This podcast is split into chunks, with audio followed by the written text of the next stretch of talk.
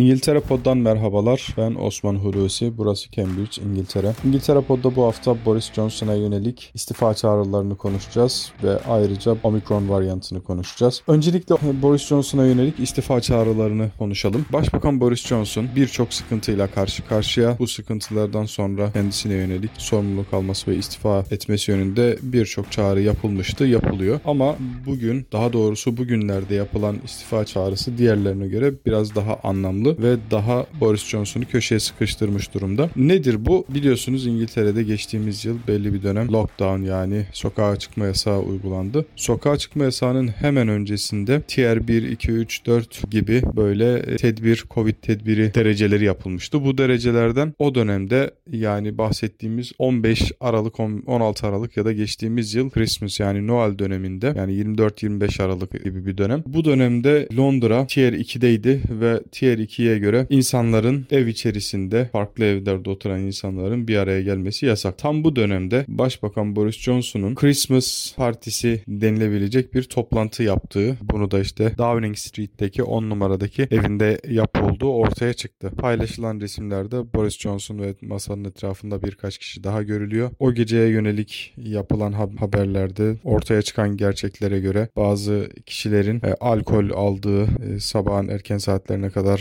etkinliğin devam ettiği söyleniyor. Tabi bu ortaya çıkınca Boris Johnson'a yönelik e, tepkiler çığ gibi büyümeye başladı. Sadece muhalefet partilerinden değil, iktidardaki muhafazakar parti üyeleri de Boris Johnson'a e, bu konuda çıkışmaya başladılar ve muhalefet pek tabi istifa çağrılarında bulundu. Sadece muhalefetle kalmadı. Twitter'dan akşama kadar farklı hashtaglerle Boris Johnson istifaya çağrıldı. E, yani özetle Boris Johnson kendisi bir kural koydu. Salgından dolayı insanlar evlerine kapandılar ve farklı evlerde kalan insanların bir araya gelmesi yasaklandı ve bu yasağı kendisi deldi. Boris Johnson tabi bununla ilgili savunmasında aslında yasağı delmediğini, oradaki insanların yakın çalışma arkadaşları olduğunu ve o toplantının bir Christmas yani yani Noel partisi olmadığını sadece hükümette Covid'e karşı hükümette ve diğer devlet kurumlarında Covid'e karşı mücadele insan eden insanlara bir Christmas mesajı olarak onlara teşekkür beyan etmek için yapılmış bir Zoom toplantısı konusu olduğunu, orada bulunan insanların da Boris Johnson'un yakın çalışma arkadaşları ve teknik ekip olduğu bu toplantının bir parti amacıyla, eğlenmek amacıyla bir araya gelmiş bir toplantı olmadığını, insanlarla yapılacak Zoom görüşmesinin organizasyonu olduğunu ileri sürdü ama yine de böyle bir görüntünün o dönemde verilmiş olmasının insanları kızdırmasını anladığını söyledi Boris Johnson. Hatta kendisinin de buna kızdığını ve bundan dolayı da toplumdan özür dilediğini ifade etti. İngiltere parlamentosunda. Ama bu muhalefet için özellikle İşçi Partisi için e, yeterli değildi. E, İşçi Partisi lideri Keir Starmer Boris Johnson'u açıkça istifaya davet etti. Birçok milletvekili de e, bu şekilde Boris Johnson'un sorumluluğunu alıp yaptığı şeyin bedelini ödeyerek istifa etmesi gerektiğini anayasanın maddelerinde öne çıkararak söylediler. Geçelim diğer konumuza. Omikron varyantı. Biliyorsunuz Güney Afrika'da ortaya çıktı ve hala net olarak nasıl bir varyant olduğu bilinmiyor. Çok daha hızlı yayılıyor yayıldığını biliyoruz şimdiye kadar. Türkiye'deki duruma bakılırsa Sağlık Bakanı Fahrettin Koca'nın bugünkü açıklamasına göre Türkiye'de 6 hasta var. 6'sı da hastalığı hafif geçiriyor demişti Fahrettin Koca. İngiltere'deki durum biraz farklı. Ee, Boris Johnson bugün birkaç saat önce ulusa sesleniş konuşması yaptı ve Omikron varyantıyla alakalı son bilgileri ifade etti. Varyantla alakalı bilinen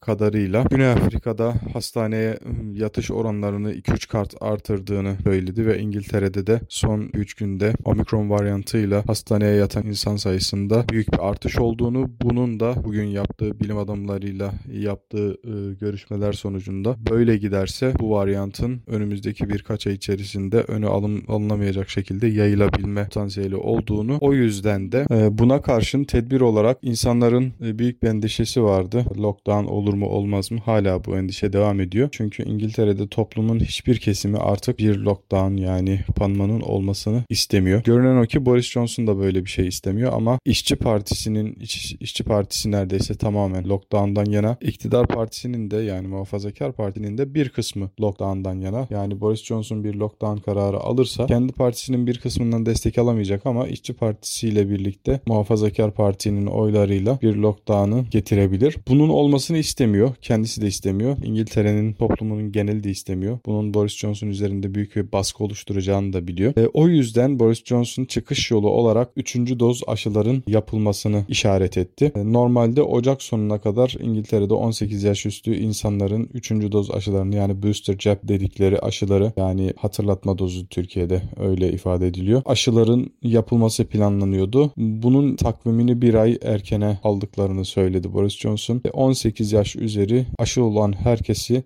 3. doz aşılarını yıl sonuna kadar yapmaya davet etti. Bu şekilde omikron varyantının varyantına karşı bağışıklığın tekrardan güçlenebileceğini ve bu salgının bir tehdit olmaktan, sosyal hayatı olumsuz etkileyecek bir tehdit olmaktan çıkabileceğini ifade etti. Böyle bir durum var. Bununla birlikte İngiltere'de Covid'e karşı alarm seviyesi şu anda 4. seviyeye çıkarılmış durumda. Bu da önemli bir gösterge. Böyle devam ederse ve aşılar da tam yapılamazsa lockdown riski her zaman var. Boris Johnson'un da ya da iktidarın da insanlara fark ettirmeden ya da insanları yavaş yavaş psikolojik olarak lockdown'a hazırladıkları yönünde e, söylentiler çok fazla yayılıyor. Hatta bunun mizahı da yapılıyor. İktidar partisiyle dalga geçiliyor. Böyle bir durum var. Göreceğiz çünkü geçtiğimiz yıl e, lockdown kararı çok sürpriz bir şekilde gelmişti. Christmas yapıldı. Yani Noel gecesi yapıldı ve Noel gecesinin hemen ertesi gününden itibaren bir lockdown başlatıldı ve bu lockdown e, Nisan-Mayıs ayına kadar sürdü. Yine böyle bir korku var. E, hükümet de böyle bir korkunun olduğunu biliyor. O yüzden bu konuda lockdown olmayacak şeklinde e, bazı demeçler veriyor ama bu demeçleri de güçlü bir şekilde vermiyor açıkçası. O yüzden her zaman böyle bir e, ihtimalin olması söz konusu. E, bunu söyleyebiliriz. Görelim, göreceğiz. Bakalım nasıl seyredecek. Ama dediğim gibi hem İngiltere'nin hem de Boris Johnson'ın işi kolay değil. Boris Johnson bir taraftan bu tür skandallarla kendi sebep olduğu skandallarla uğraşırken diğer taraftan da salgını yönetmeye,